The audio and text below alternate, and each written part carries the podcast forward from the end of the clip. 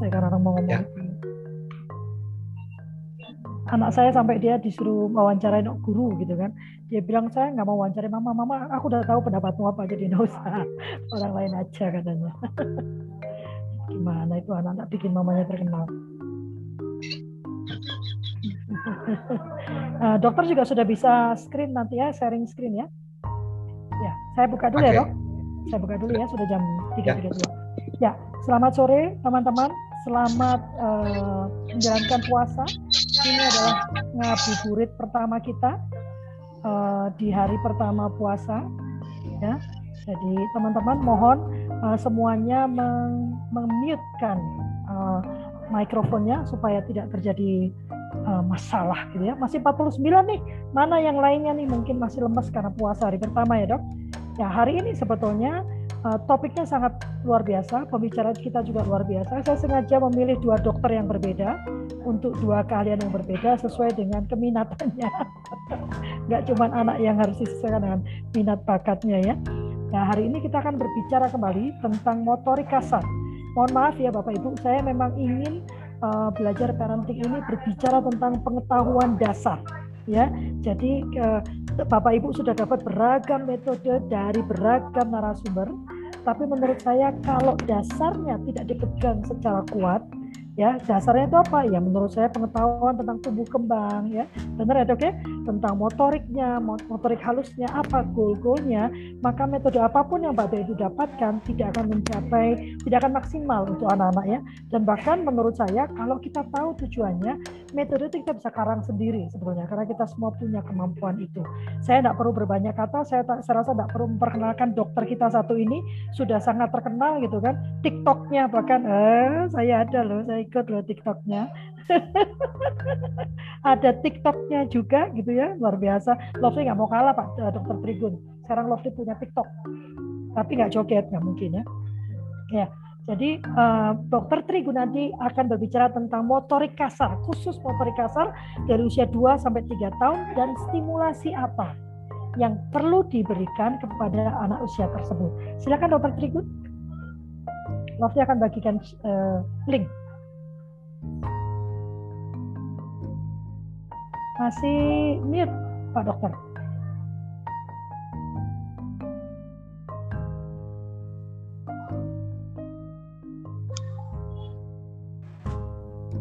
Masih mute, Dokter. Oke, okay, ya. Baik, uh, terima kasih. Selamat sore semuanya. Assalamualaikum warahmatullahi wabarakatuh. Uh, saya akan bikin share screen. Ya, kita hari ini akan membicarakan tentang uh, bagaimana melakukan stimulasi. Hmm, tunggu sebentar, saya akan share screen dulu. Ya. Oke, kita akan membahas tentang stimulasi motorik kasar di anak usia 2 sampai 3 tahun. Nah, uh, kalau membicarakan tentang gimana uh, melakukan stimulasi motorik kasar ini, kita harus tahu dulu nih uh, bahwa seorang anak itu akan sangat uh, harus kita perhatikan diakibat, diakibatkan karena anak itu adalah uh, cikal bakal nantinya.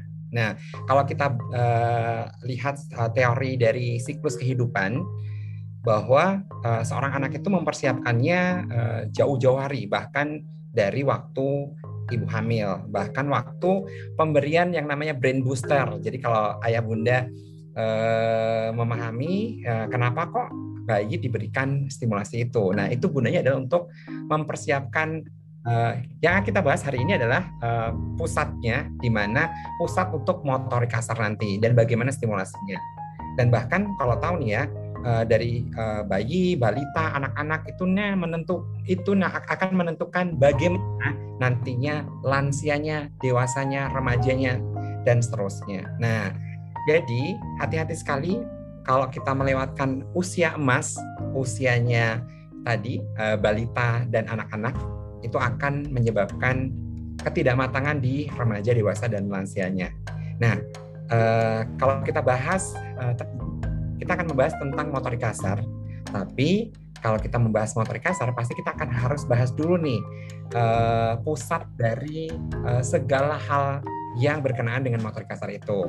Nah, kalau ayah bunda lihat di uh, slide ini, kita lihat bahwa kita nanti akan membahas tentang bagian otak yang berkenaan dengan motorik kasar. Nah, uh, motorik kasar itu sangat uh, penting kita mematangkan bagian otak. Nih, kalau kita lihat di sini, yang dari warna pink, warna orange, dan sampai warna depan warna coklat itu adalah bagian uh, dari motorik kasar. Jadi ternyata uh, otak kita itu diciptakan oleh Allah uh, sangat luar biasa, gitu ya. Dari mulai ini yang paling belakang, yang paling yang warna pink itu adalah uh, namanya parietal lobe, di mana di situ adalah pusat untuk uh, integration of sensory information. Jadi um, pusat dari informasi sensori yang nantinya akan berdampak pada persepsi kita. Jadi persepsi uh, yang menyebabkan anak itu mampu menggerakkan tubuhnya secara optimal. Nah, nanti dari yang warna pink itu akan mempengaruhi pada tingkat yang warna orange itu. Disebut juga sebagai namanya motor motor cortex, di mana di situlah terbentuknya namanya planning atau perencanaan sampai ke tingkat namanya execute, executing uh, pergerakan dari uh, penentuan gerak kita gitu tuh. Nah, jadi ingat bahwa nantinya dari mulai uh, warna pink sensori tadi kita harus pertimbangkan untuk mematangkan motorik kasar. Jadi kalau kita mau anak kita itu motorik kasarnya bagus, itu sensorinya harus bagus. Makanya sensori ini, pusat dari integrasi sensori ini akan membentuk yang namanya persepsi. Nah, persepsi itu nanti akan menentukan anak itu uh, uh, ketakutan atau tidak atau bahkan membutuhkan uh, stimulus atau tidak itu di yang warna pink. Nah, setelah itu warna orange.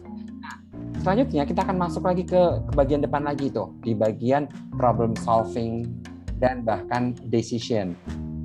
Sehingga anak itu menentukan kapan harus uh, berlari cepat, kapan harus menjaga keseimbangan, kapan harus nantinya uh, melompat kayak gitu dan akhirnya terbentuklah yang paling depan tuh namanya uh, prefrontal cortex di mana di situlah pusat untuk planning complex behavior atau uh, perencanaan perilaku yang kompleks.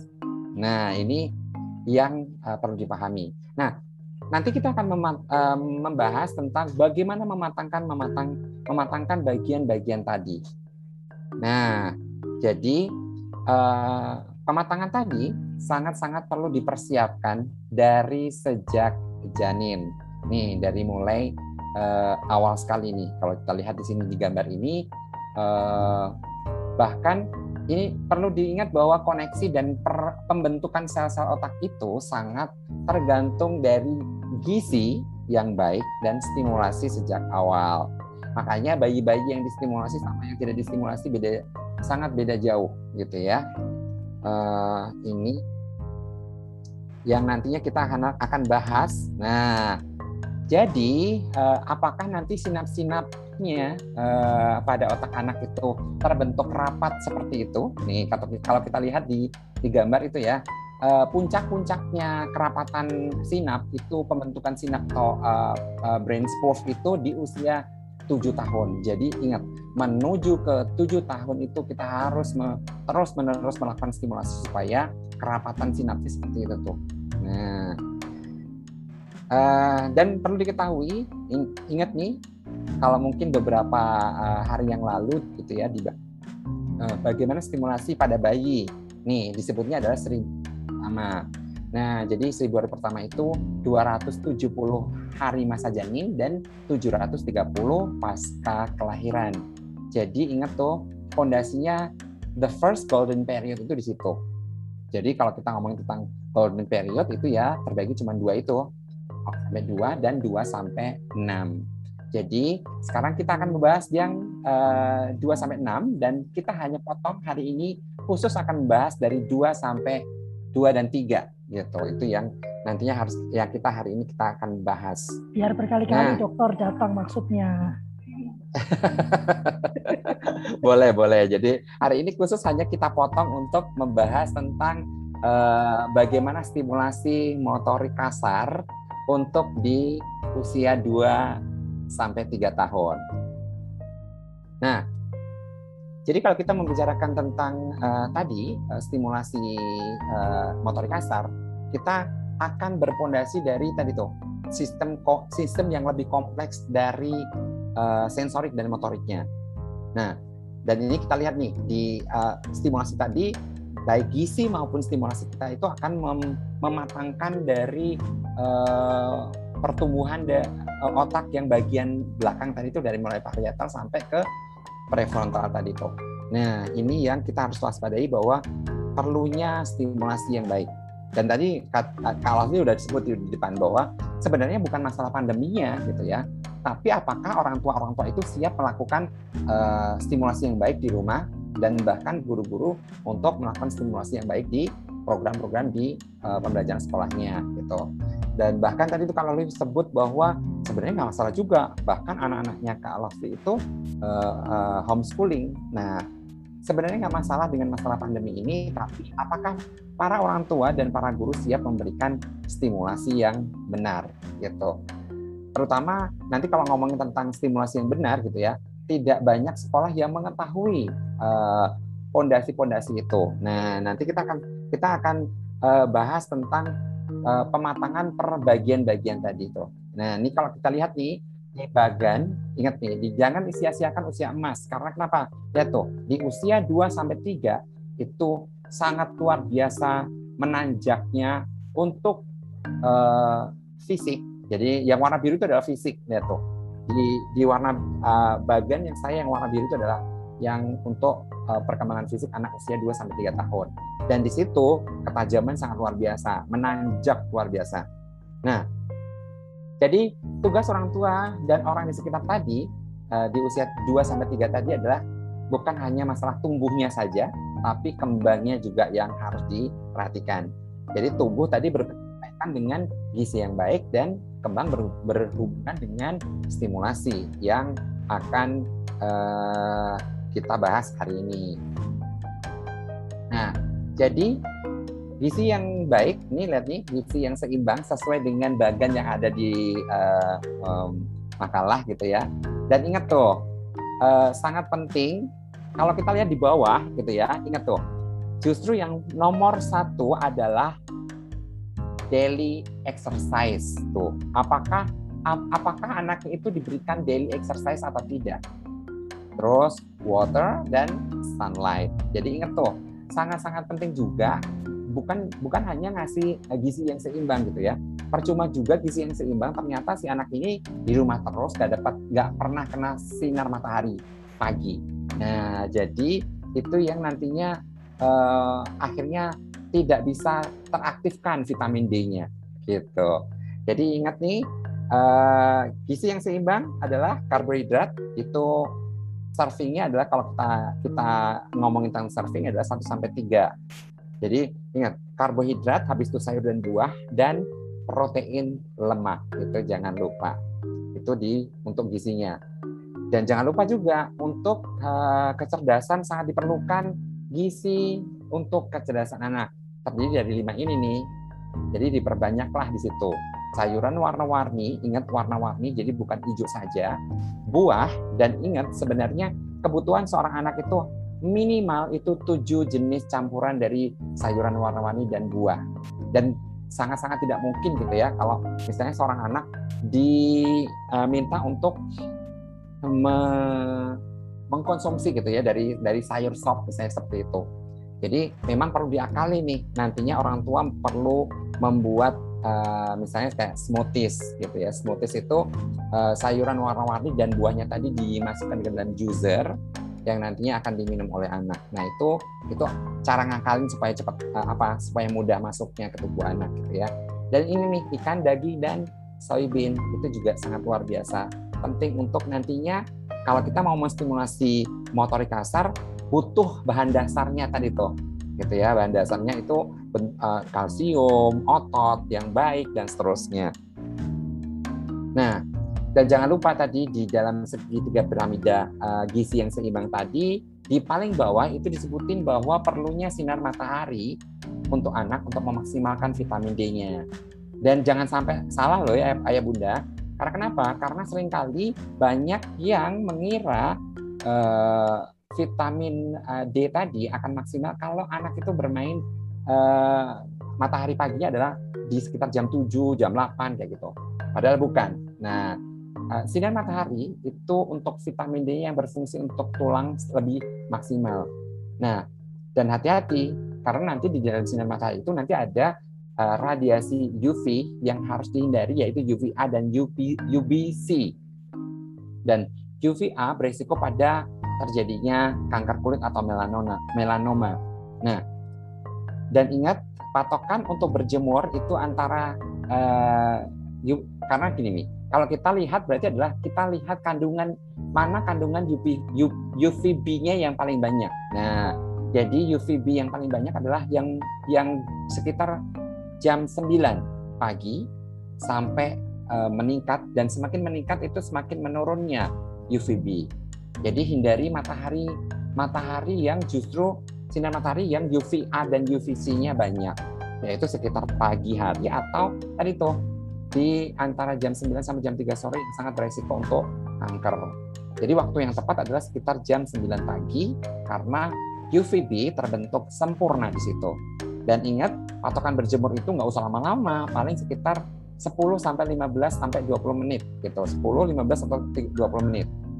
Nah, dan eh, tidak perlu membuka baju sering kali kan salah salah uh, pengertian gitu ya sampai anaknya diteranjangin dan seterusnya gitu ya. Tidak perlu.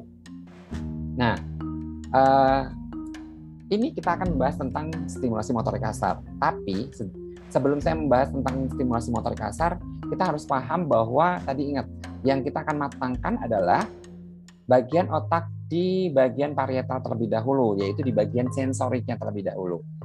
Nah, jadi eh, pematangan tadi itu perlunya kita mengetahui bahwa tangga sebelum ini kalau kalau ayah bunda lihat di bagian saya sebelah kiri itu ada eh, namanya Pyramid of Learning dari Barbara Nah, piramid of learning ini menjelaskan bahwa ingat yang warna hitam yang pondasinya itu adalah nutrisi, tubuh yang sehatnya anak dan struktur yang kuatnya anak. Jadi ingat tadi itu, nutrisi itu gizi yang seimbang, eh, badan yang sehat dijaga dengan baik dan ingat strukturnya itu harus distimulasi.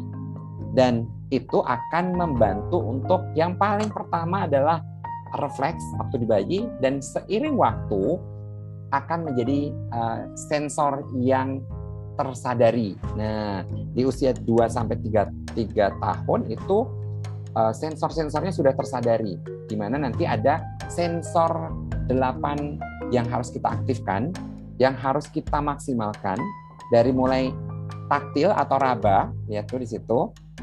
Dari mulai taktil atau raba dan ingat raba itu nanti ada empat bagian penting di dalam tubuh anak dari mulai telapak kaki, eh, badannya dia, telapak tangan sampai ke bagian wajah dan mulut.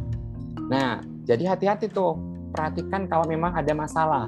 Nah, kalau telapak kaki mungkin kelihatan sekali tuh eh, anaknya itu eh, jijian, tidak berani menginjak rumput, jalannya jinjit kayak gitu. Bagian tangan juga kelihatan. Misalnya anaknya jijian, tidak mau main lem di sekolah, misalnya gitu. Di rumah tidak mau uh, memegang yang becek-becek misalnya gitu. Di bagian badan kelihatan kalau misalnya nggak mau dipeluk, uh, tidak mau uh, bajunya basah sedikit, atau mungkin kalau udah berkeringat langsung dia cemas dan seterusnya. Bahkan mungkin ada yang ekstrim itu sampai tidak mau uh, label baju yang ada di belakang leher itu ada gitu, minta dilepas dan seterusnya. Kalau ada dia cenderung tidak nyaman dan akhirnya uh, tantrum biasanya kayak gitu. Nah, taktil yang di bagian wajah apalagi tuh bagian wajah dan mulut kelihatan sekali tuh tidak mau dipeluk, tidak menatap, cuek sekali sama orang, eh, menolak makanan-makanan tertentu, bertekstur tertentu gitu ya.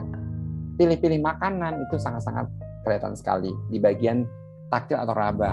Dan seterusnya tuh nanti ada delapan sensor yang harus diaktifkan, termasuk keseimbangan tuh vestibular yang pusatnya di telinga dalam vestibular kelihatan tuh kalau misalnya anaknya itu mengalami masalah. Jadi misalnya uh, takut naik lift, uh, terus uh, tidak berani naik odong-odong kayak gitu tuh. Nah itu yang uh, sangat uh, harus diperhatikan. Nah, tadi sensori tadi itu akan menjadi pondasi untuk gross motor atau motorik kasar yang harus harus kita akan bahas uh, sekarang ini. Nih, kalau kita lihat di uh, pyramid of learning ini puncak tertingginya itu adalah namanya formal learning. Jadi gimana bisa anak itu nantinya uh, reading, writing, and mathematics. Jadi membaca, menghitung, uh, dan uh, menulis itu kalau uh, pondasi-pondasinya nggak kuat maka ya sudah nantinya anak akan jadi mempunyai masalah gitu. Bahkan termasuk itu yang warna hijau ingat tuh language tadi tuh bahasa. Jadi yang tadi Kak Lovely sempat sebut gitu ya di depan bahwa gemes sama uh, uh, para ibu di mana menyalahkan pandemi gitu ya pandemi akhirnya anak itu terlambat berbicara gitu ya sebenarnya bukan hanya pada bukan pandeminya sebenarnya tapi stimulasi-stimulasi ini yang tidak diberikan secara uh, berpondasi berstruktur bertangga dan mematangkan tangga-tangga sebelumnya ini. Jadi akhirnya anak itu yang uh, terjadi tahapan uh, gangguan pada language. Nah, kalau di situ lihat tuh ada namanya oral motor control atau kontrol dari oral motor baik itu mengunyah, meniup, menyedot minuman, menggigit makanan, me, ya, apa me, kalau orang Jawa bilang brakotin uh, apel gitu ya. Kayak seperti itu oral motor control gitu ya yang akhirnya berdampak pada kemampuan namanya expressive language. Jadi bahasa ekspresif. Nah, itu uh, kalau kita bahas tentang tangga-tangga yang nantinya kita akan uh, apa pijaki dari uh, tahap ke tahap gitu ya. Nah, hari ini kita khusus hanya membahas tentang gross motor. Nah, gross motor pun juga kita akan hanya bahas di usia 2 sampai 3 tahun. Nah, ini kita perlu tahu bahwa nantinya di 2-3 tahun lihat tuh di uh, patokan. Nah, ayah bunda kalau uh, pengen punya patokan ini bisa di langsung di Google, klik aja buku KIA 2020 download. Nah, nanti di situ uh, ayah bunda bisa mendownload sendiri gitu ya. Mendownload sendiri patokan-patokan termasuk stimulasinya yang sudah dibuatkan sama uh, Kementerian Kesehatan di mana uh, motorik kasar di usia 24 bulan itu patokannya apa, di, di 3 tahun atau 36 bulan itu patokannya apa, itu sudah sudah ada di situ. Nah, nanti tinggal di download sendiri. Nah, sekarang kita akan khusus membahas tentang eh, motorik kasar. Jadi, motorik kasar ini nantinya eh, yang kita akan eh, lakukan stimulasi pada anak-anak yang di usia 2 sampai 3 tahun tadi. Nah, definisi motorik kasar. Sebenarnya apa sih motorik kasar tuh? Nah, motorik kasar adalah tugas perkembangan jasmani berupa koordinasi gerakan tubuh seperti berjalan, berlari, berjinjit, melompat, bergantung, melempar, menangkap, serta menjaga keseimbangan. Ini menurut Papalia 2018. Nah, dan uh, ayah bunda harus uh, tahu prinsipnya jadi harus tahu prinsipnya di mana uh, motorik kasar itu mempunyai prinsip perkembangan di mana yang pertama tingkat kematangan dari motorik kasar ini akan menentukan pada tingkat kematangan motorik halus jadi ingat kalau anak itu tidak bisa uh, tulisannya jelek tidak mau menulis tidak suka menulis menghindari menulis bahkan megang benda sering jatuh yang dibenerin bukan belajar menulis ingat bukan tapi justru matengin dulu pondasi-pondasi di bawahnya dulu, yaitu motor kasarnya. Banyak sering kali orang tua yang uh, mengeluh gitu ya, me, um, apa, bertanya gitu ya, bagaimana ya dok kalau anak saya itu tidak bisa uh, tulisannya itu jelek, tidak suka menulis. Kalau sudah suruh menulis tuh alasannya ada aja, bahkan tantrum gitu. Ya iyalah, gimana gimana gimana nggak nggak tantrum karena ternyata motorik kasarnya masih buruk. Anaknya masih belum mampu melompat dengan baik, anaknya masih belum mampu duduk diam dengan baik dan seterusnya. Jadi ingat uh, prinsip dasar perkembangan motorik kasar ini, motorik kasar adalah uh, tahapan untuk fondasi untuk motorik halus. Nah, yang kedua, jangan sampai ada yang terlewat di motorik kasar tuh karena akan mempengaruhi pada tingkat kontrol dan koordinasinya fase-fase selanjutnya dan bahkan nih eh, banyak anak-anak yang eh, sering kali terlewat terlewat. Nah, makanya hati-hati fase-fase tersebut, terutama nih fase merangkak seperti itu. karena fase merangkak yang lewat tadi akhirnya akhirnya fase tadi fase yang seharusnya dia uh, terintegrasi kanan kiri dan memat fase merangkak itu adalah fase mematangkan korpus kalosum. Korpus kalosum itu adalah jembatan otak kanan otak kiri. Akhirnya berdampak pada ketidakmatangan korpus kalosum tadi tuh. Dan korpus kalosum itu dampaknya kalau nggak matang banyak sekali. Kontrol anaknya jelek, koordinasi gerakannya jelek, fokus konsentrasinya jadi tidak uh, tidak mampu karena tidak bisa uh, melakukan fiksasi visual dan auditori gitu ya uh, itu yang nantinya dampak kalau kalau tidak matang atau terlewati fase-fase uh, sebelumnya. Nah, perlu orang tua memantau perkembangan anak. Nah, ini ini patokan untuk di usia 2 sampai 3 tahun. Nah, 2 sampai 3 tahun ini ada banyak tadi itu aspek. Nah, kita akan hari ini fokus hanya di aspek fisik dan motorik. Jadi, aspek fisik motorik lah uh, yang kita akan akan bahas uh, sekarang. Nah, aspek yang uh, fisik motorik ini di usia 2 sampai 3 tahun itu anak mampu melakukan gerak dasar sederhana. Jadi nanti perlu diingat nih, 2 tahun itu adalah pondasi. Eh, pondasi dari fisik. Jadi ingat sebenarnya nih Bu, ayah bunda, usia 2 tahun itu adalah kalau kalau di pendidikan itu di usia playgroup A. Nah, usia playgroup A itu adalah anak sudah siap berpisah dengan orang tuanya.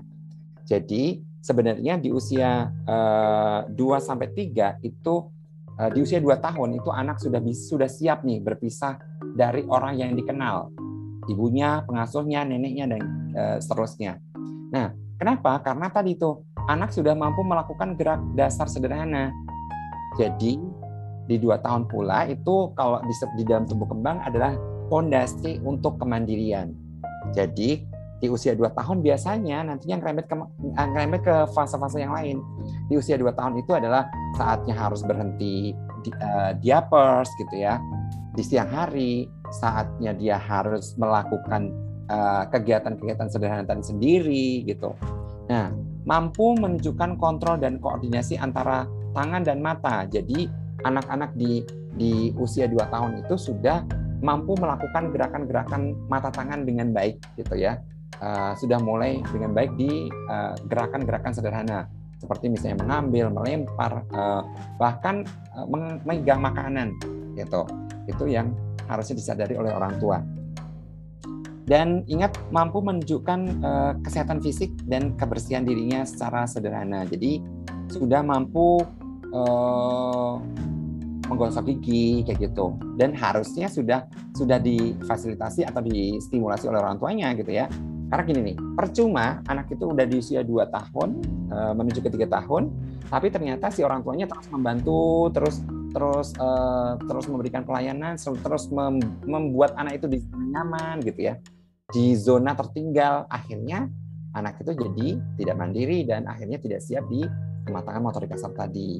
Nah, indikatornya di usia 2 tahun ini adalah berlari lurus ke depan, uh, bahkan mampu merobek dengan jari kertas, uh, merobek kertas dengan jarinya, dan makan sendiri dengan bantuan dari orang sekitar minimal. Jadi ingat itu uh, fase di usia 2 sampai 3 tahun. Nah, saat uh, ini adalah indikator uh, anak di usia 3 sampai 4 tahun.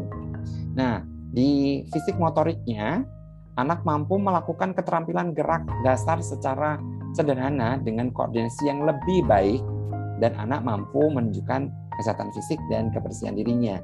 Indikatornya adalah anak sudah mampu tuh seperti berayun, bergelantungan dengan kedua tangannya. Nah, ini yang nantinya perlu diwaspadai.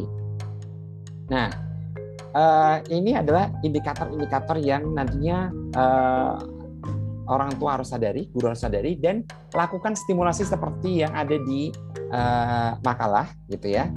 Di usia 2 sampai 3 tahun ini yang nantinya harus dilakukan adalah di usia 24 sampai 25 bulan itu anak melangkah menuruni tangga tanpa berpegangan dengan satu atau kedua kaki setiap melangkah. Jadi sudah uh, mampu menuruni tangga tanpa pegangan atau rambatan gitu. Jadi keseimbangan sudah sudah bagus nih di usia 24 sampai 25 bulan. Nah, di usia 25 bulan sampai 30 itu anak sudah mampu melempar bola tenis sejauh 2 meter. Bola tenis ingat ya, se, se, se ke, kepalan orang dewasa itu tuh bolanya cukup ringan gitu ya. Itu sudah sampai 2 meter. Di usia 31 sampai 36 bulan itu melangkah menaiki tangga, kalau tadi menurunin gitu ya. Kalau ini menaiki tangga tanpa berpegangan. Baik dengan satu kaki di setiap anak tangga maupun di dua kaki. Nah, di usia 31 sampai 36 bulan ini pula melompat ke depan dengan kedua kaki sejauh sekitar 50 cm. Jadi sudah kayak lompat jauh gitu tuh. Dan melompat melewati rintangan setinggi 5 cm dan turun dari ketinggian sekitar 40 cm. Jadi sudah mampu menuruni uh, anak tangga dengan jumping namanya. Nah, di usia 31 sampai 36 bulan ini juga berdiri dengan satu kaki selama tiga detik. Atau kalau kita sebut adalah nih kayak yang dilakukan sama gambar yang cewek uh, kartun tuh yang ber, berbaju merah itu uh, stand standing on one leg. Pada satu kaki sudah mampu sekitar tiga detik. Dan di usia 31 sampai 36 eh, anak sudah mampu menangkap bola yang dilempar dari jarak satu setengah meter. Dan di usia 31 sampai 36 bulan ini pula, eh, anak juga mengayuh sepeda roda tiga sudah mampu. Jadi koordinasi eh, kakinya untuk bergantian ini adalah fase lanjutan korpus kalosum yang waktu merangkak itu tuh itu sudah mampu mengayuh sepeda roda tiga.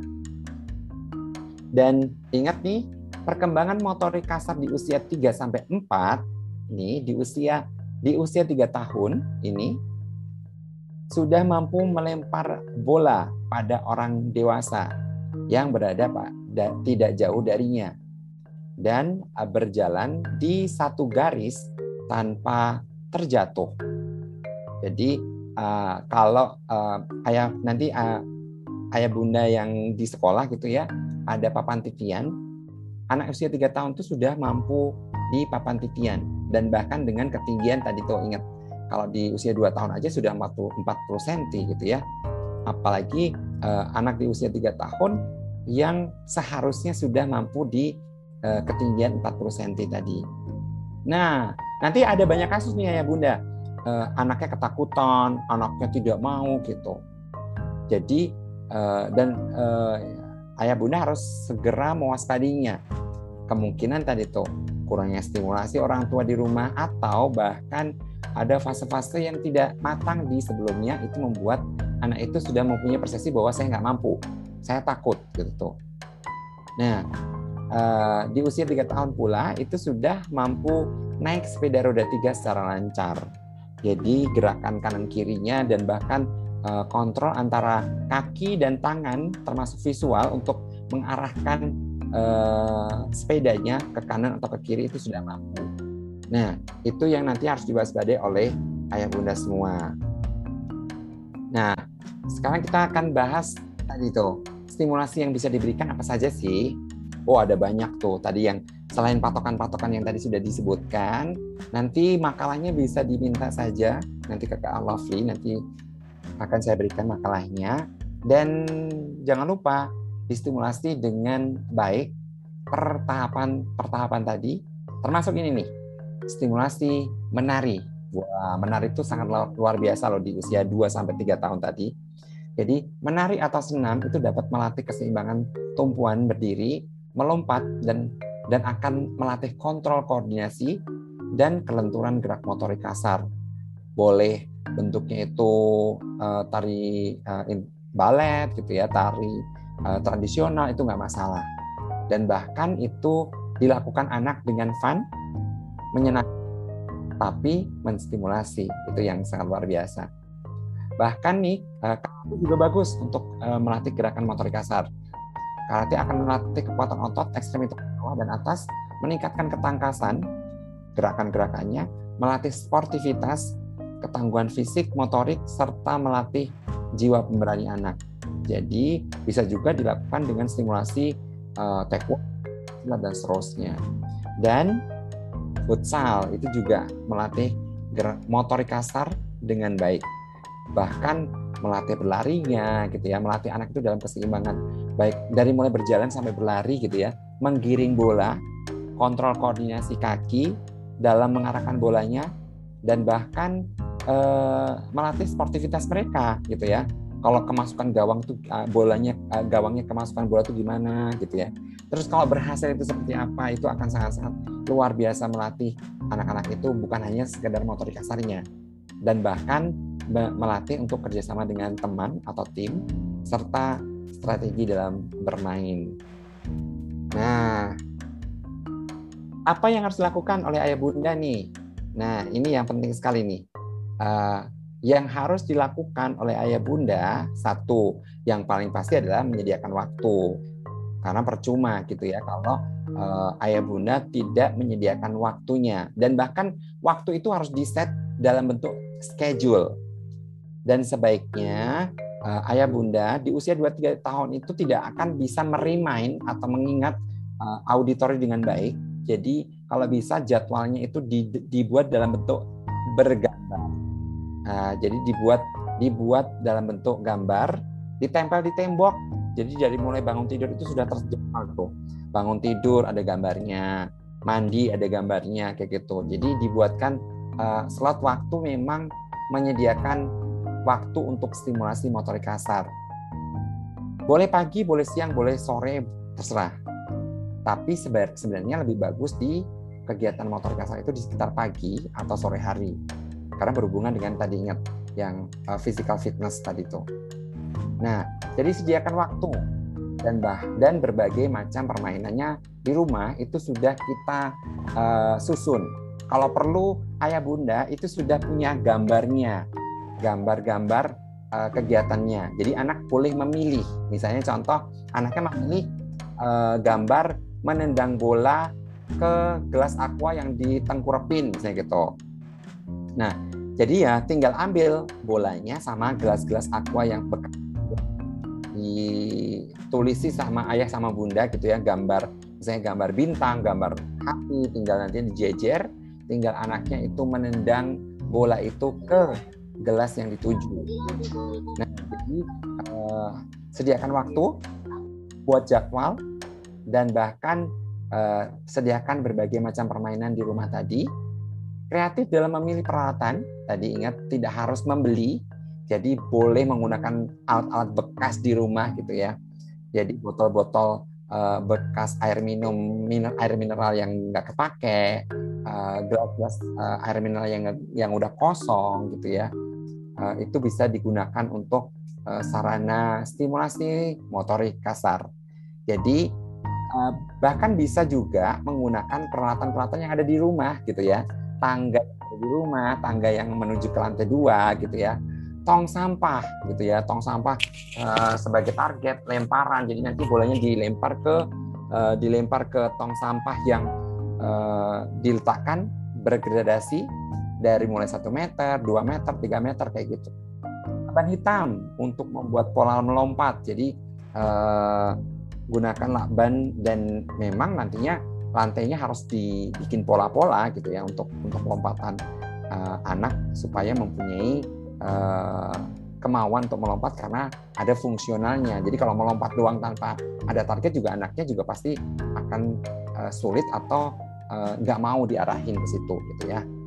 Itu yang pertama. Yang kedua, uh, orang tua harus memberikan tantangan yang lebih tinggi dan kalau sebenarnya kalau kita sebut di dalam psikologi itu adalah the right challenge. Jadi uh, memberikan tantangan yang lebih tepat gitu. Kalau terlalu tinggi direndahin, kalau udah bisa harus dinaikin kayak gitu.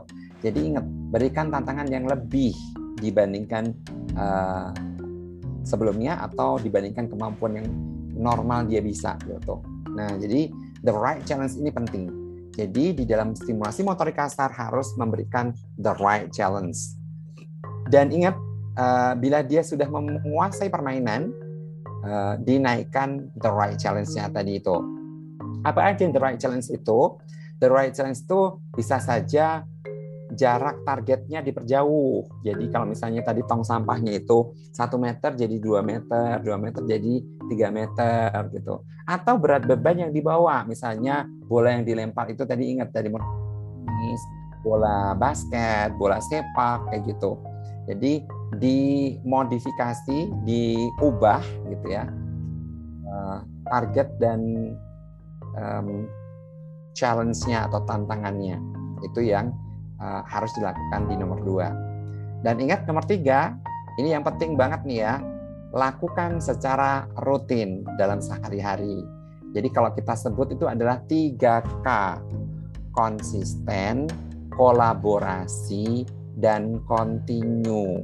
Jadi ingat, jangan sampai cuman dilakuin hari ini doang, besoknya mah kagak. Jadi yang ada uh, anaknya juga uh, stimulasinya sangat sangat sangat sangat hanya cuman mengenal tidak itu bukan stimulasi ya hanya pernah diberikan itu bukan stimulasi yang namanya stimulasi itu harusnya tadi ingat tiga k konsisten kolaborasi dan continue jadi uh, nantinya uh, lakukan secara rutin dalam sehari-hari.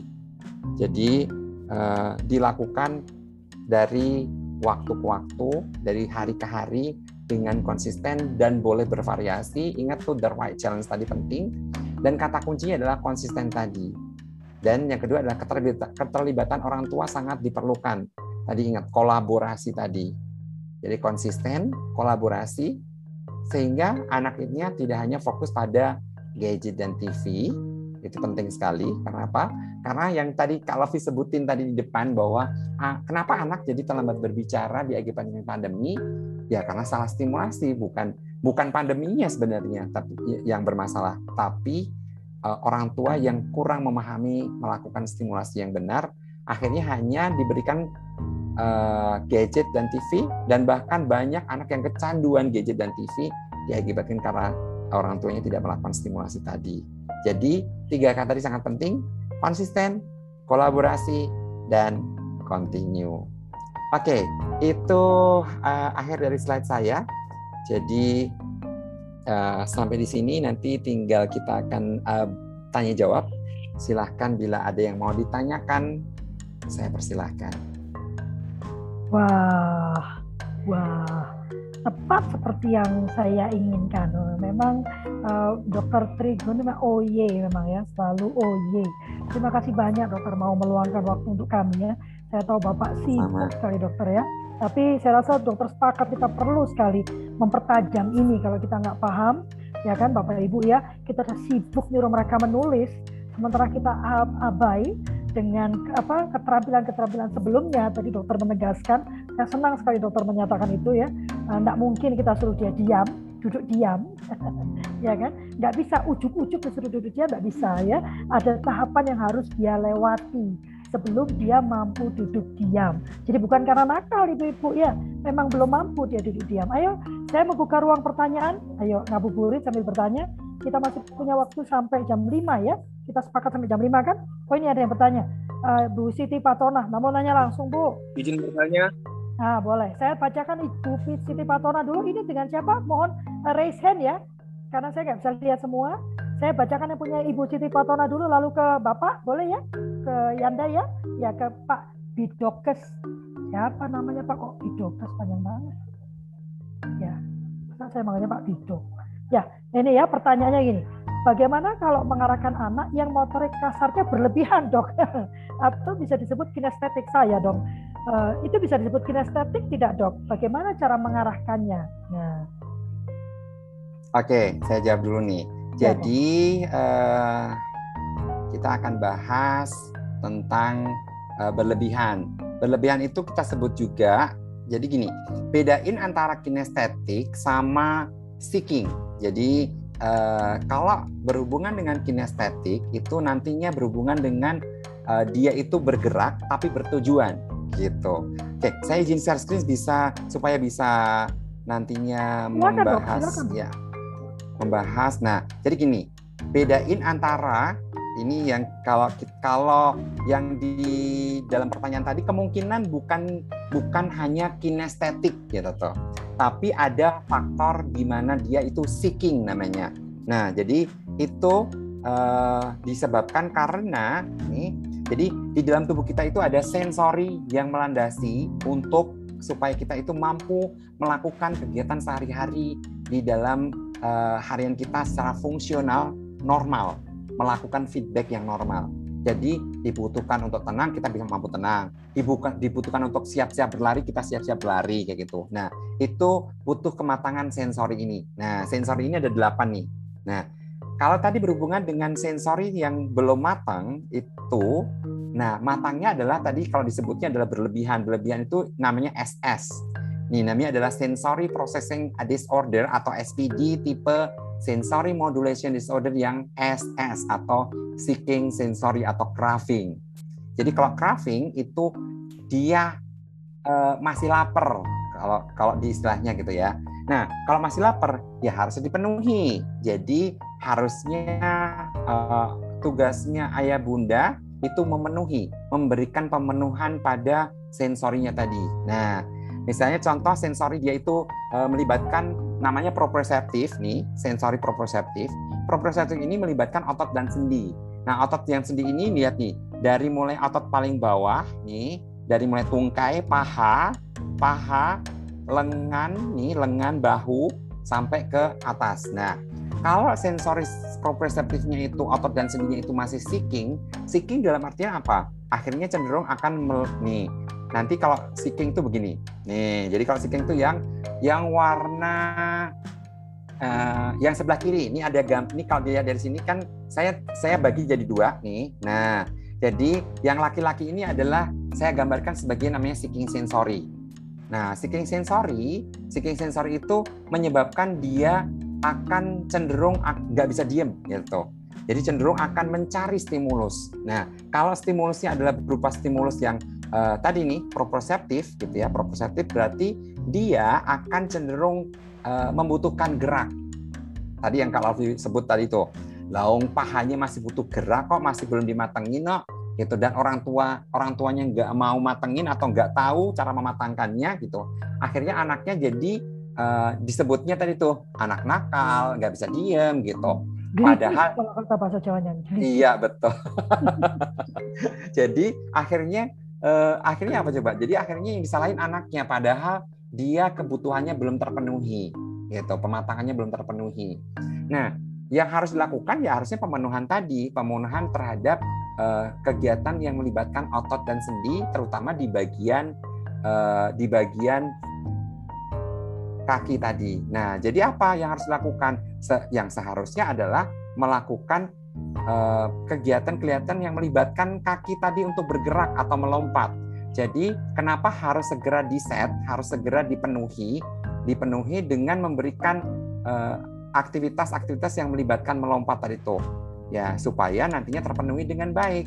Jadi nantinya orang tua harus membuat set aktivitas seperti ini. Nih, jadi nantinya bahkan mungkin akhirnya jadi rumahnya agak agak agak uh, butuh bersihin lebih lama gitu ya. Misalnya uh, emang dikasih laban-laban kayak gitu untuk kebutuhan melompatnya. Dan bahkan nih bisa di set loh ayah bunda. Dari mulai kamarnya dia um, menuju ke kamar mandi nantinya misalnya contoh gitu ya menuju ke kamar mana misalnya menuju ke, ke depan kalau lewat lorong itu harus lompat misalnya gitu. Lompat lompat sesuai dengan uh, uh, ini nih sesuai dengan uh, bagan atau pola-pola yang kita buat. Nah, itu akan memenuhi kebutuhan dia dalam seeking sensory tadi. Jadi, eh, kata kuncinya adalah mematangkan tahapan-tahapan perkembangan tadi.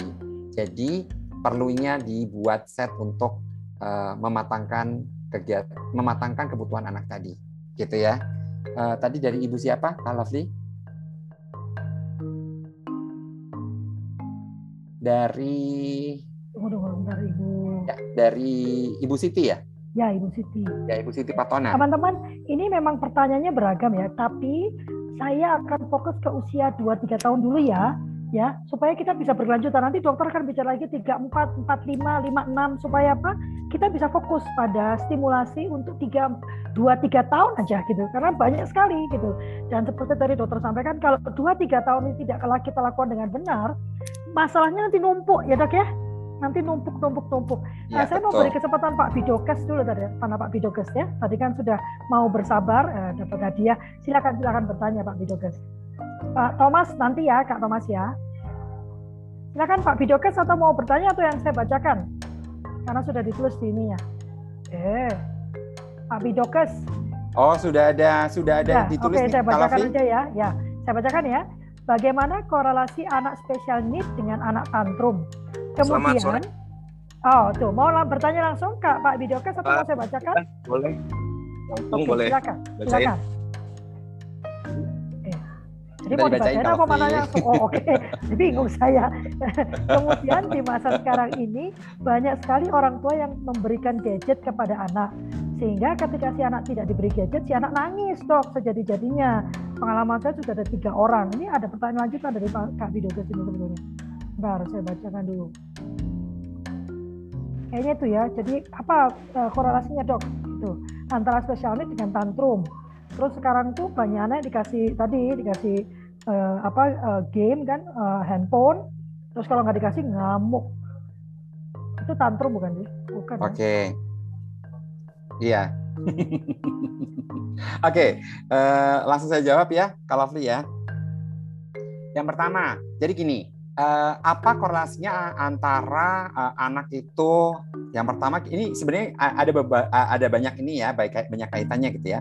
Special need-nya jadi anak yang special need anak yang tantrum, anak yang uh, karena kurang stimulasi yang tepat, terutama tadi itu stimulasi kan ada motorik kasar, motorik halus dan seterusnya gitu ya. Eh yang di yang distimulasi malah hanya uh, visual satu arah. Jadi kita sebutnya adalah visual satu arah. Dan gini ya, nanti di dalam gadget itu kan ada banyak banget ya, ada uh, ada efek dampaknya adalah si anaknya belum matang bahasa uh, mother tongue-nya gitu ya. Eh di distimulasi oleh si bahasa Inggris yang mungkin sangat cepat sangat cepat jadi akselerasi antara penyerapan seorang anak itu memahami kata itu sama yang uh, kecepatan si bahasa Inggris yang dipaparkan oleh si gadget. Belum lagi yang hanya dilihat adalah visual-visual cepat gitu. Jadi grafis-grafis yang cepat. Jadi yang menyebabkan akhirnya dampaknya si si gadget itu sendiri ada banyak nih. Jadi kita kalau ngomongin tentang gadget itu sendiri, saya akan izin izin share screen supaya supaya mem memahami dengan baik gitu ya. Uh, jadi ini adalah si kita ngomongin tentang gadgetnya dulu nih. Belum ngomongin tentang si keterkaitannya dengan special need. Nah, jadi si gadget itu sendiri ini adalah uh, ini need. Jadi bahayanya itu bisa yang pertama adalah kecanduan itu pasti nih. Karena kenapa? Dia lebih tertarik dengan gadget dibandingkan dengan menya, ibunya menyanyi gitu. Dia lebih tertarik dengan rebahan megang iPad gitu yang nonton kartun nyanyi nyanyi nonton YouTube nonton TikTok gitu ya dibandingkan interaksi sama orang gitu. Kecanduan itu yang pertama yang kedua obesitas karena kenapa? Kurang gerak tadi tuh. Jadi stimulasi. Jadi stimulasinya itu jadi jadi kebablasan si motorik kasarnya nggak dapet, motorik halusnya nggak dapet, anaknya kurang gerak gitu tuh. Terus yang itu obesitas tuh pasti gitu. Belum lagi saat nih banyak orang tua salah dia itu uh, membuat gadget ini sebagai pancingan untuk makan gitu tuh. Jadi yang ada uh, udah udah udah salah udah salah konsep makannya udah salah kons jadi dia tidak terbentuk dengan konsep makan yang baik bahwa konsep makan itu harus duduk harus makan itu harus di bawah 30 menit tidak boleh sampai dua jam kayak gitu. Terus akhirnya dia lupa antara ini mak tugasnya makan atau tugasnya nonton gitu tuh. Jadi obesitas. Nah yang ketiga agresif nih. Jadi anaknya di agresif agresif tuh kenapa? Karena nggak dapat apa yang dia mau tadi tuh. Jadi dan gini Udah gitu si orang tuanya mengajarkan bahasa setan terbentuk untuk untuk anak. Jadi gini, bahasa setan itu adalah bahasa yang bukan manusia. Jadi bukan verbal. Misalnya Bunda minta, Bunda aku mau minta eh, misalnya minta gadget dong, misalnya gitu. Bunda tolong dong uh, gadgetnya. bunda tolong dong YouTube misalnya gitu tapi yang ada adalah dengan cara agresif dia dapat apa yang dia mau gitu akhirnya terbentuklah tuh agresivitas itu menjadi bahasa setannya anak jadi bahasa setan itu adalah bahasa uh, uh, disebabkan oleh si orang tuanya gitu jadi terturuti apa kemauan anak dengan cara ngamuk mungkin nyakar banting barang bahkan uh, melakukan agresivitas bahkan ke sini minggu yang lalu saya baru dapat anak uh, saya assessment itu sudah sampai meludahi orang kalau dia nggak diturutin apa yang dia mau gitu tuh. Nah itu namanya bahasa setan. Jadi itu terbentuknya dari mulai tingkat dari mulai kecanduan tadi akhirnya membentuk pola agresif. Pola agresif itu di, di diiakan sama orang tuanya akhirnya menetap menjadi bahasa setan tadi tuh. Nah uh, dan akan menjadi kelainan mental. Kelainan mental itu nanti dia tiba-tiba uh, tertawa sendiri kayak gitu.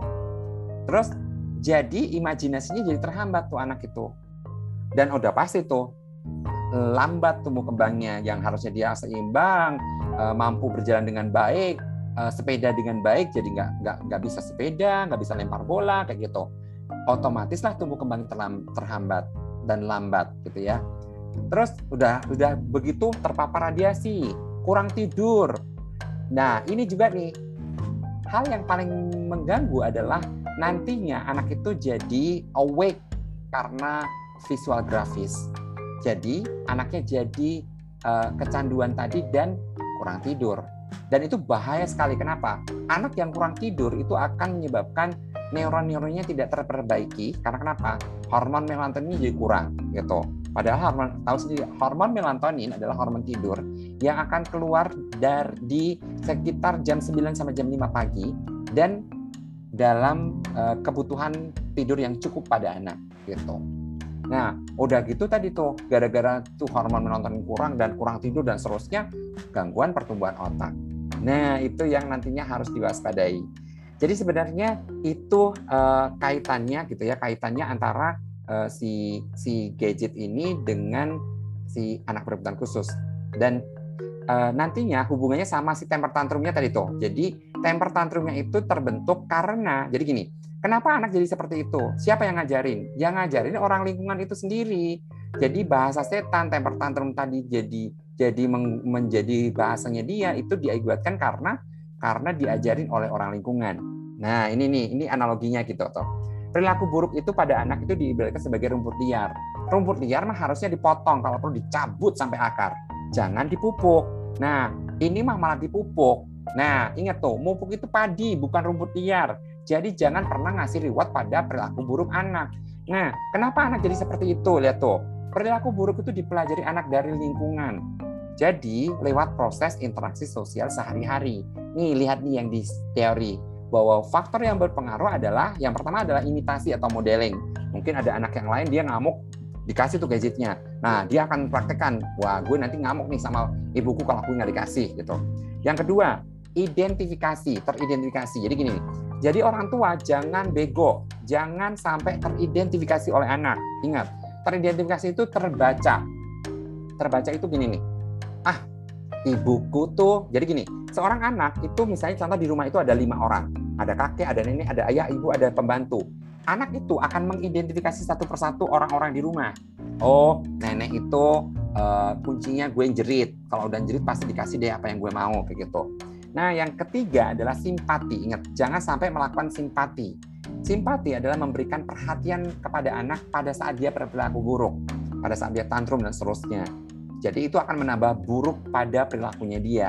Jadi misalnya contoh nih, eh, seorang anak lagi ngamuk sama ibunya karena nggak dikasih gadget. Bapaknya datang gitu. Nah, bapaknya datang itu natap aja nggak boleh ke anak. Senyum apalagi, meluk apalagi, digendong di papa apalagi. Apalagi datang dengan begini eh kamu kenapa sayang sini sini sini sini sini cup cup cup cup cup cup wah itu namanya simpati yang racun namanya hidden payoff namanya mumpuk rumput liar jadi harusnya diapain dong di ignoring ignoring itu pura pura-pura ingat nih hanya pura-pura nggak lihat perilaku buruknya loh. Jadi perilaku buruknya di, di, di tidak dikubris gitu tuh. Jadi misalnya contoh kalau bapaknya datang ya assalamualaikum. Eh salam dulu sayang. Salam dulu sama ayah. Salam dulu dong. Mana salamnya? Salam. Nah kayak gitu. Jadi uh, harusnya diignore perilaku itu Nah, jadi ingat tuh, kalau memberikan perhatian sosial atau social attention itu pada saat anak nice, bukan saat anak lagi buruk. Nah, jadi ingat kalau misalnya dia lagi buruk, tuh lihat tuh, abaikan si kecil saat dia tantrum karena merespon tantrum seperti nyiram minyak ke dalam api. Nah, boleh nggak dipeluk? Boleh, tapi setelah lebih tenang. Dan jangan menangkan saat tantrum karena justru akan membuat dia mengulangi lagi hal tersebut. Jadi itu uh, penjelasannya buat Pak Bida, Pak Pak Pak Parik sebenarnya. Oh, diganti, oh, diganti toh. Habis namanya Bidokes. Ya, ya, Pariki ini dari Bidoges Kalbar. Jadi Pariki oh. ini dari uh, kedokteran kepolisian di Kalimantan Barat. Oh. Punya, punya dokter. Ayo mari bergabung di WhatsApp uh, grup kami uh, belajar parenting. Ini acara setiap hari Selasa. Untuk sementara ini jam 3.30 karena puasa. Sebetulnya jam 7 malam ya. Uh, tapi karena puasa kita sepakat jam 3.30. Loh kok sudah live dulu? Kita mau masak Bu, tinggal 30 menit lagi. Pak Thomas silahkan yang mau bertanya Pak Thomas. Oke, terima kasih Kak Lafli. Mohon maaf, dok, ini sambil di jalan masih Iya, nggak apa-apa Pak Thomas. Ya, ya perkenalkan dok, saya Thomas dari School di Yogyakarta. Iya, mangga Pak Thomas. Ya, jadi karena hari ini bicara mengenai anak kebutuhan khusus meskipun materinya mengenai 2 sampai 3 tahun untuk motorik, boleh kami bertanya untuk anak yang mengalami masalah motorik kasar tetapi usia sudah remaja itu dok jadi semua remaja tapi Oke, silakan Pak. Jadi bagaimana mengatasi? Karena pegang barang masih gemeteran itu ya suka jatuh berdiri satu, satu kaki masih belum bisa tidak bisa seimbang seperti seperti itu Pak. Jadi memang ini anak kami anak berkebutuhan khusus di sekolah kami ini kebetulan memang semuanya under performance ya karena sudah umur 16 tahun. Kemarin dicek di psikolog itu kebahasaannya memang sangat kurang gitu ya kemudian juga motorik kasarnya juga jadi menurut psikolog ini memang yang paling bagus motoriknya tetapi tetap aja di dalam segi motorik ini masih di bawah uh, target anak dengan seusianya gitu dok jadi kita ya. baru membantu terima kasih dok Oke, Pak. Dok, ini uh, sejalan sama ada satu pertanyaan ya. Ada ya. remaja usia 20 tahun yang yang juga uh, uh, waktu itu uh, apa merangkaknya kurang ya. Jadi dia mengalami -huh. mengalami masalah. Jadi dia ditanya juga bagaimana stimulasinya. Oke. Okay. ya jadi saya akan uh, izin share screen. Uh, buat Pak Tom Pak Thomas dulu tadi ya. Pak Thomas uh, nanti yang harus dilakukan adalah penguatan uh, otot sama sendi. Kalau disebutnya itu di dalam uh, di dalam um, ini sensori namanya proprioceptif nih di sini nih. Nih lihat nih itu. Namanya proprioceptif. Nah, ini nih. Nih di sini. Proprioceptif ini akan harus dikuatkan terlebih dahulu sebelum nantinya uh, anak akan mendapatkan stimulus-stimulus yang lain supaya tadi tuh geraknya uh, baik gitu ya, kontrol geraknya baik, bahkan tadi tuh Pak untuk memegang barang dan seterusnya. Nah, sorry, gua nggak berani sih. Jadi uh, yang harus dilakukan adalah uh, nantinya Pak Thomas harus memberikan PR buat uh, orang tua gitu ya.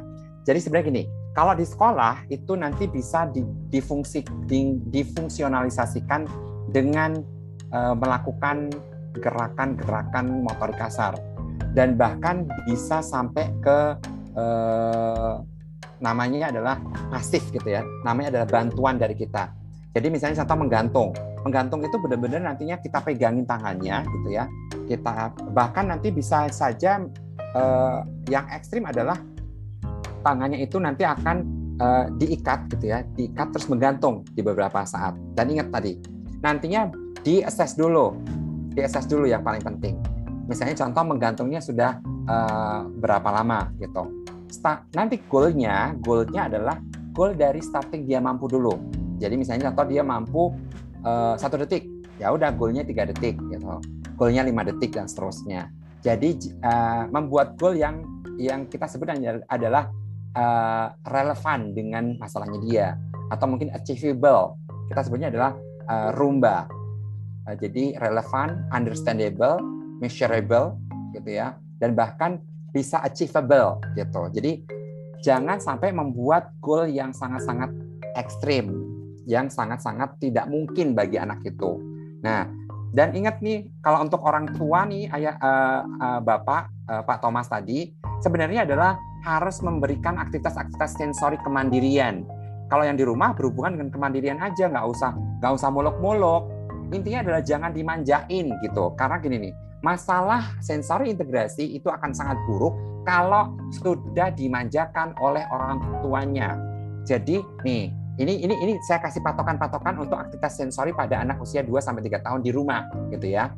Misalnya merapikan selimut, letakkan mainan ke tempatnya, buang sampah ke tempat sampah. Jadi eh, hal-hal yang sederhana-sederhana seperti ini sebenarnya mengembalikan buku kerak, bantuin menyiapkan makanan, ambil piring sama nasi dan seterusnya, meletakkan bantal ke tempatnya, meletakkan baju kotor ke keranjang baju, melipat baju yang sudah kering, eh, membuat roti selai, mengisi botol minuman, membersihkan sisa makanan yang berserakan dan seterusnya. Ini saya sebenarnya bahasanya khusus sendiri eh, memang untuk uh, nantinya ini nih kita nggak akan ngomongin tentang yang usia sebenarnya tadi. Balikin dulu ke kemampuan yang sebenarnya. Jadi gini kalau di dalam di dalam uh, program pak pembuatan program itu kita tidak lihat umur kronologisnya tapi kita lihat namanya usia atau umur mentalnya. Umur mentalnya sejauh mana kemampuan motorik kasarnya. Nah, kalau misalnya usianya mau 13 tahun, tapi kalau usia motorik kasarnya baru sekitar nih dua tahun, tiga tahun, tiga tahun, empat tahun kayak gini. Dan seterusnya ini ya balikin dulu ke awal gitu. Jadi kata kuncinya adalah kembalikan lagi ke fase usia mentalnya dia dan bantu dia untuk mematangkan dari waktu ke waktu di usia yang berikutnya. Kayak gitu buat Pak Thomas.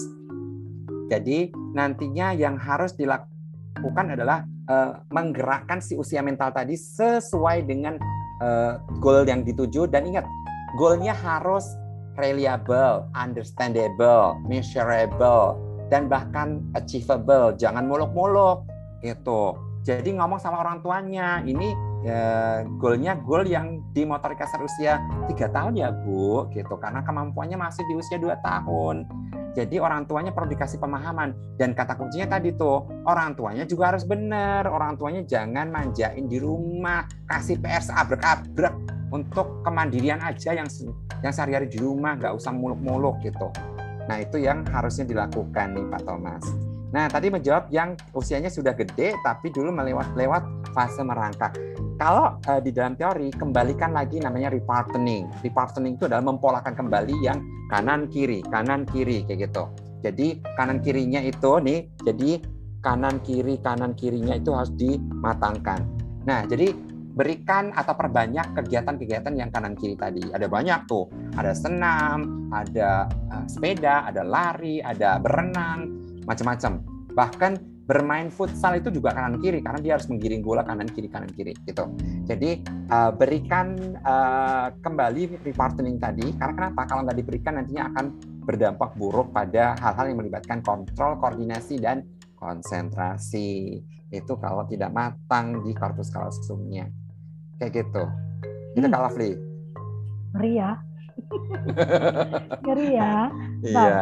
ini ada lagi nih saya bacakan. Bapak Ibu, sekali lagi saya ingatkan ya kita fokus ke umur 2-3 tahun dulu. Saya tahu pertanyaannya banyak, tapi Dokter Trigun ini tidak akan di sini hari ini saja. Saya sudah meminta kesediaan beliau untuk menemani kita secara berkala gitu kan. Uh, saya bahkan punya tuh jadwal beliau tuh biar saya nggak salah ya. Dok, tolong Selasa langsung dikosongkan ya dok ya. Selasa paling nggak satu bulan sekali lah ya untuk bicara okay, tentang baik, ini. Ya. Baik. Pohon sangat kata dokter siap, ketemu siap. juga belum. Kalau ini permintaannya banyak banget ya.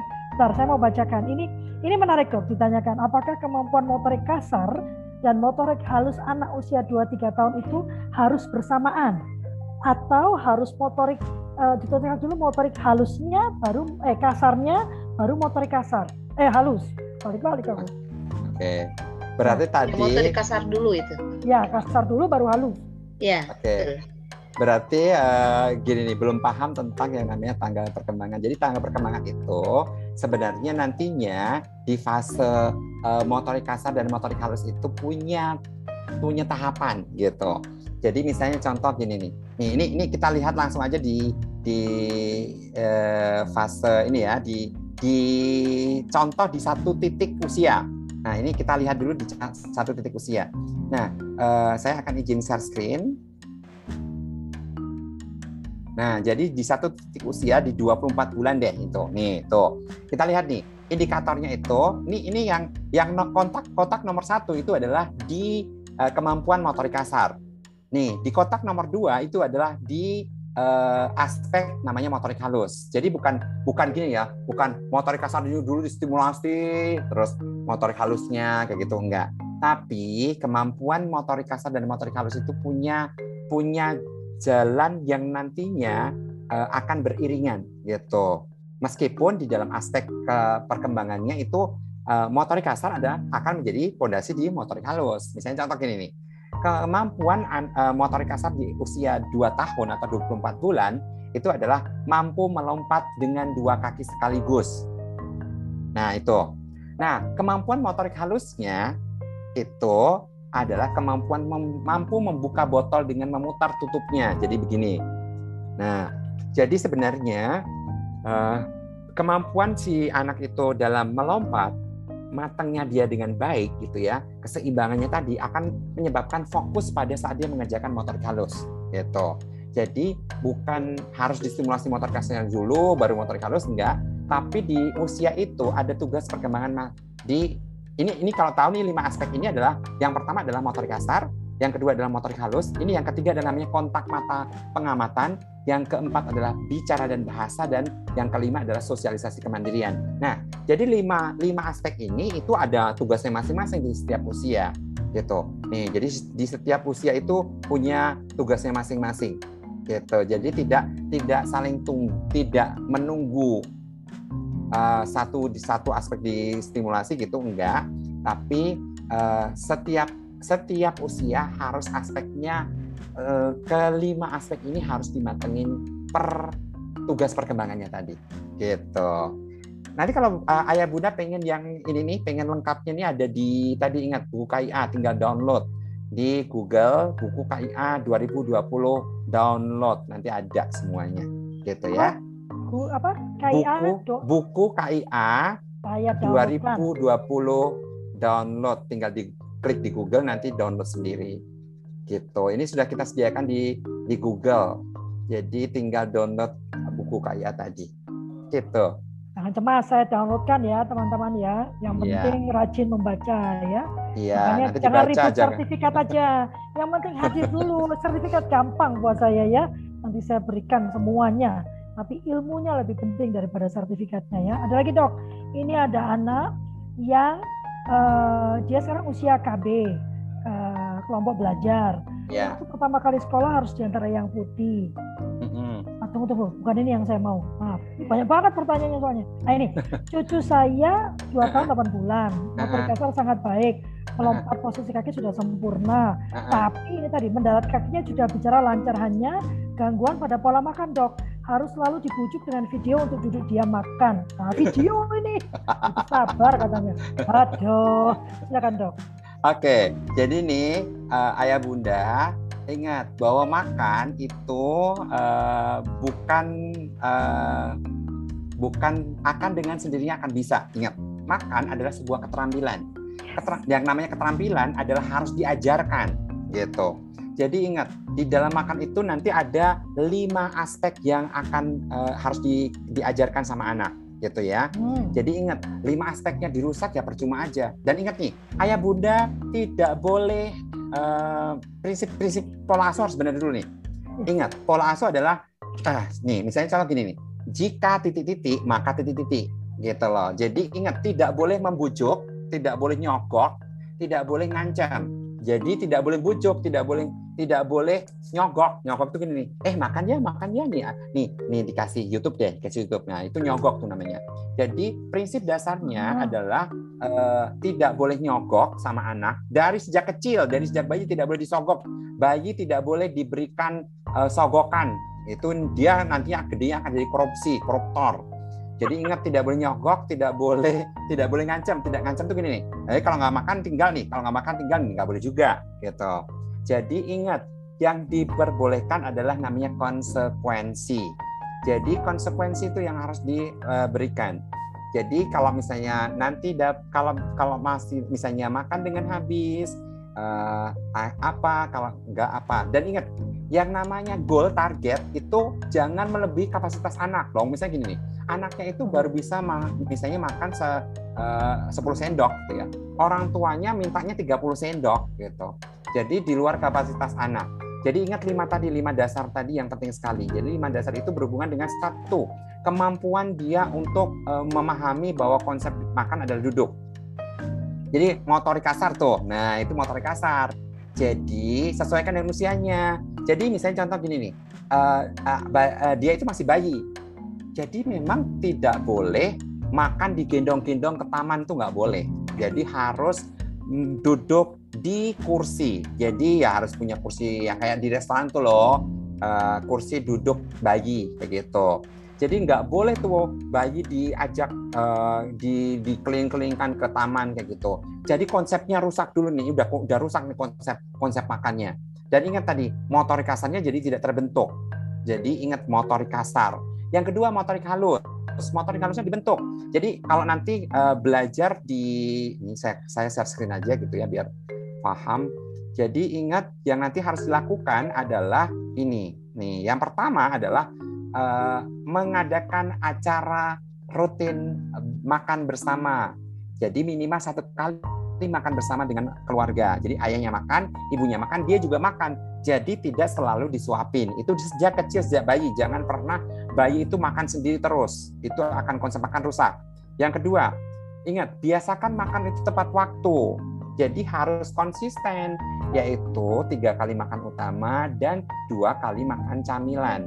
Jadi ingat uh, waktunya itu pun tidak boleh lebih dari 30 menit dan bahkan sering kali gunakan alarm pertanda waktu.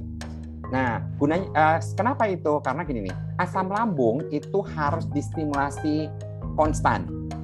Jadi misalnya contoh nih, ayah bunda nih biasa jam 12 istirahat makan. Nih kayak gini nih kayak kayak misalnya sekarang lagi puasa gitu ya. Kemarin kalau tidak dipersiapkan puasa juga sama. Puasa itu harus dipersiapkan.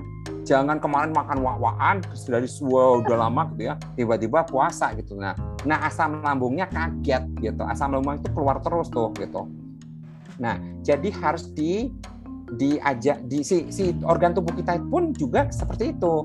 Jadi uh, asam lambung itu akan keluar otomatis meskipun kita tidak sedang makan karena memang jamnya makan gitu jadi kalau jamnya udah tidak beraturan, otomatis asam lambung tidak akan membantu untuk membentuk si alarm lapar di otak dan alarm lapar di tubuh anak itu, gitu.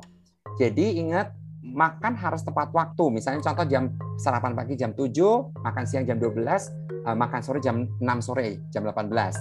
Cemilan itu dua kali ingat jam 10 bisa jam jam 10 jam jam 3 misalnya gitu ya. Nah, misalnya contoh nih, anak minta makan jam 9, boleh nggak? Nggak boleh karena harus bilang emaknya e, nanti ya nanti snacknya jam 10 gunanya untuk apa? Gunanya untuk tadi tuh asam lambung dan seterusnya. Dan ingat bentuk konsep makan jadi harus duduk dan makan tidak boleh sambil apa pun. Nanti jadi salah konsep jadi salah konsep. Ini makan atau nonton YouTube? Gitu tuh. Nonton YouTube atau makan?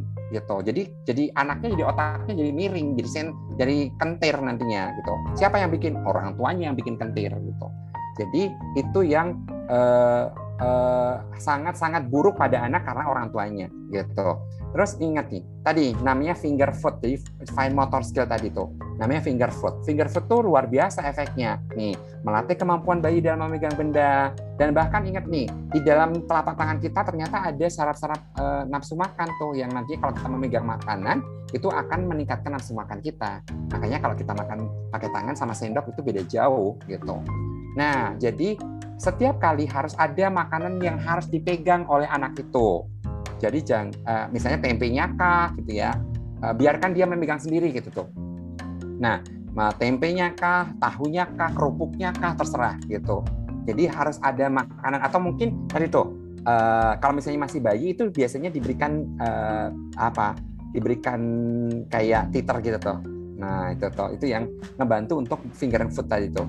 Dan ingat gunakan alat makan yang sama. Jadi ini yang penting sekali untuk difahami oleh banyak orang tua untuk supaya bayinya itu atau anaknya itu makan dengan baik. Jadi ingat motorik kasar harus dibentuk, motorik harus dibentuk, konsep makan harus dibentuk ya tadi tuh. Terus tadi uh, sensornya, sensor itu harus dibentuk. Karena kenapa? Gradasi makanan harus jelas tuh 6 bulan empasi, 6 bulan harus sampai ke 12 bulan harus nasi, makanan rumah gitu ya. Jadi jangan tinggalkan dia kemampuan di kemampuan bubur terus gitu tuh. Banyak orang tua gini nih, wah nanti kalau saya kasih nasi muntah, ya iyalah langsung nasi. Jadi buburnya digradasi ke ya, grontol, uh, dikasih grontolan nasi satu sendok kayak gitu, diakali gitu tuh. Itu yang penting sekali. Jadi banyak orang tua ketakutan tapi tidak mau membantu anaknya untuk belajar makan tadi tuh. Gitu kalau Lovely. Ya pertanyaannya banyak nih, tapi kita sampai jam 5. Cuman gini, uh, tadi ada yang bahkan sampai WhatsApp ke saya, Kak tolong itu loh pertanyaan saya gitu, karena bicaranya tentang uh, uh, berbicara. Nanti mungkin uh, ke depannya nanti, kan ini tadi uh, motorik kasar dong. Uh, sebenarnya saya maunya ya.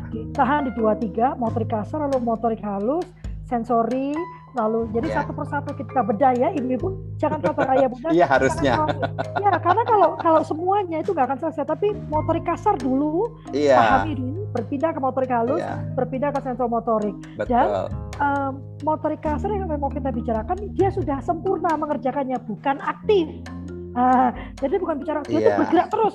Artinya motor kasar sudah selesai. Enggak gitu. Silakan dok. Mungkin itu berarti masih dijelaskan lagi nih untuk penutupnya. Bagaimana sih sebetulnya kita bisa melihat anak 2 3 tahun tuh motorik kasarnya udah oke. Okay. Oke. Okay. Jadi gini Ayah Bunda.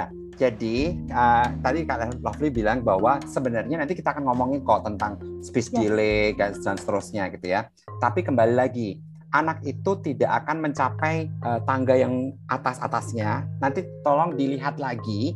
Sudah nanti saya akan berikan makalahnya ke Kak Lovely gitu ya. Diba, dibaca lagi, difahami lagi, direnungkan lagi yang tangga uh, pyramid of learning tadi, tangga tangga belajarnya anak tadi itu. Nah, jadi ingat kalau mau uh, di bagian bahasanya tadi itu ada bagian bawah-bawahnya gitu. Termasuk uh, tangga yang paling bawah adalah uh, fisik motorik kasar, tangganya habis itu motorik halus gitu ya. Tangga berikutnya adalah motorik oral gitu ya.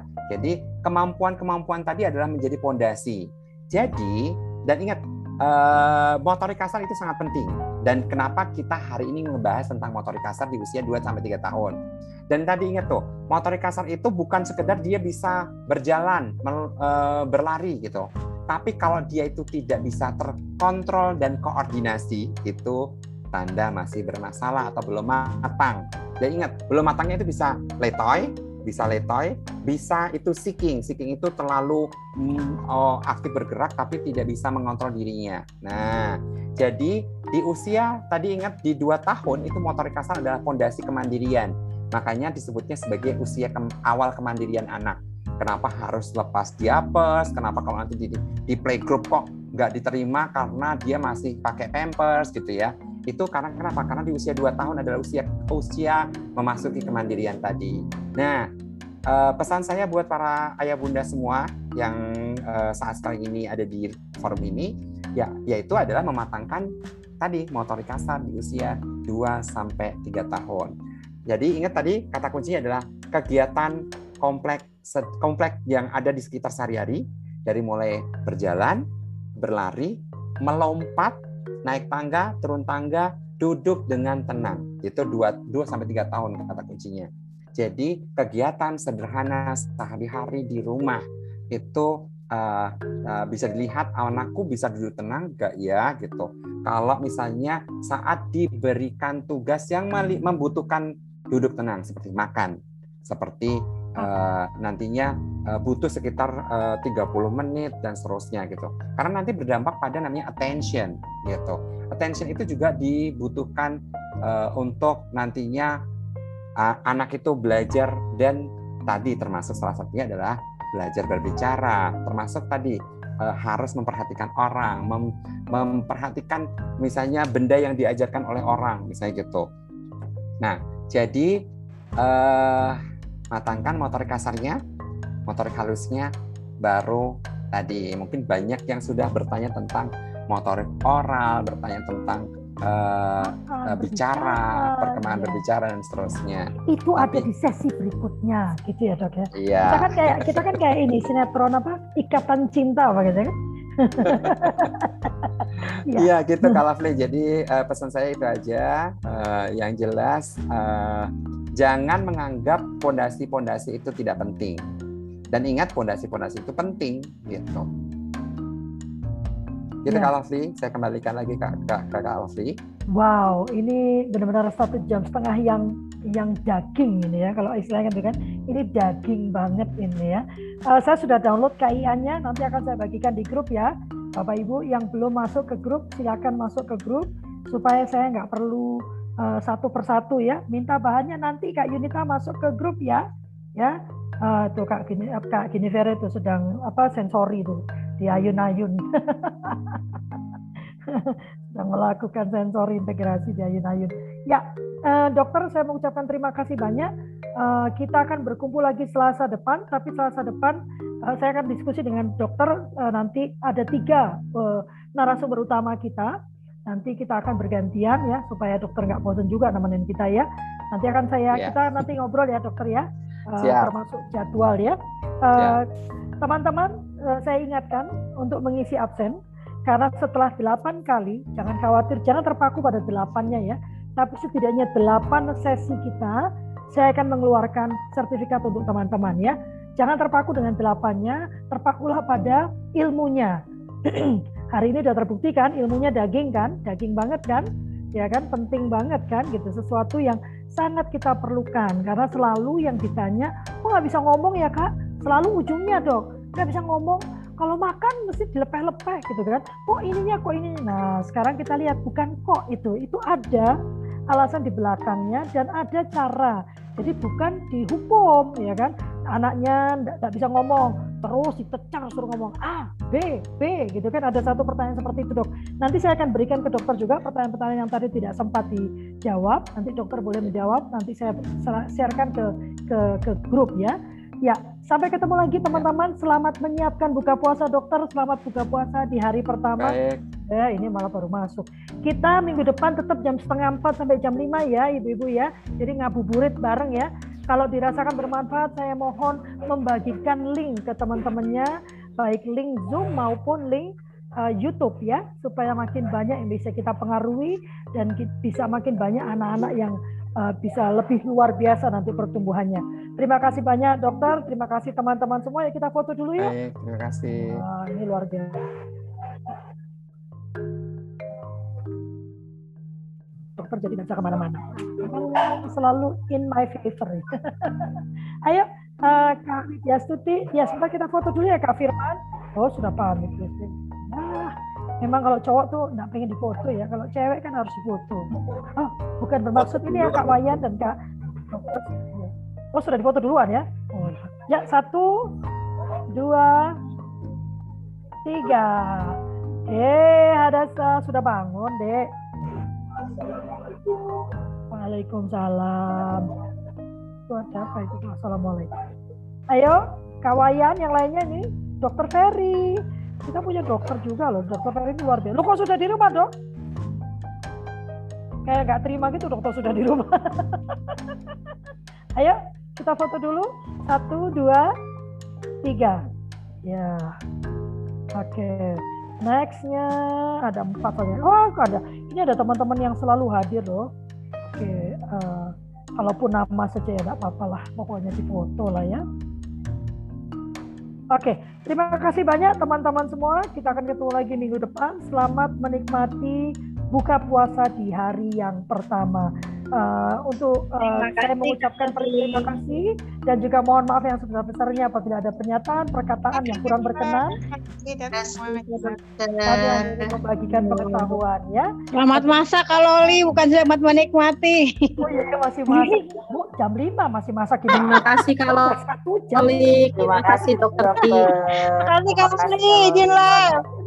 Terima Terima terima kasih kasih Kak. Lovely.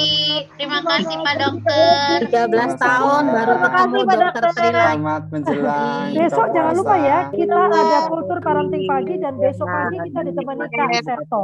Ayo, Bapak Ibu, besok ikut lagi ya. Besok pagi jam 7 pagi itu Kak Seto yang Ya. akan berbicara ya.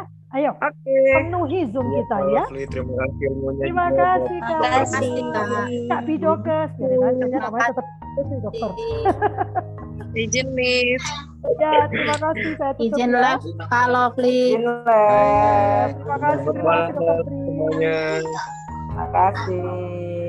Assalamualaikum. Wassalamualaikum.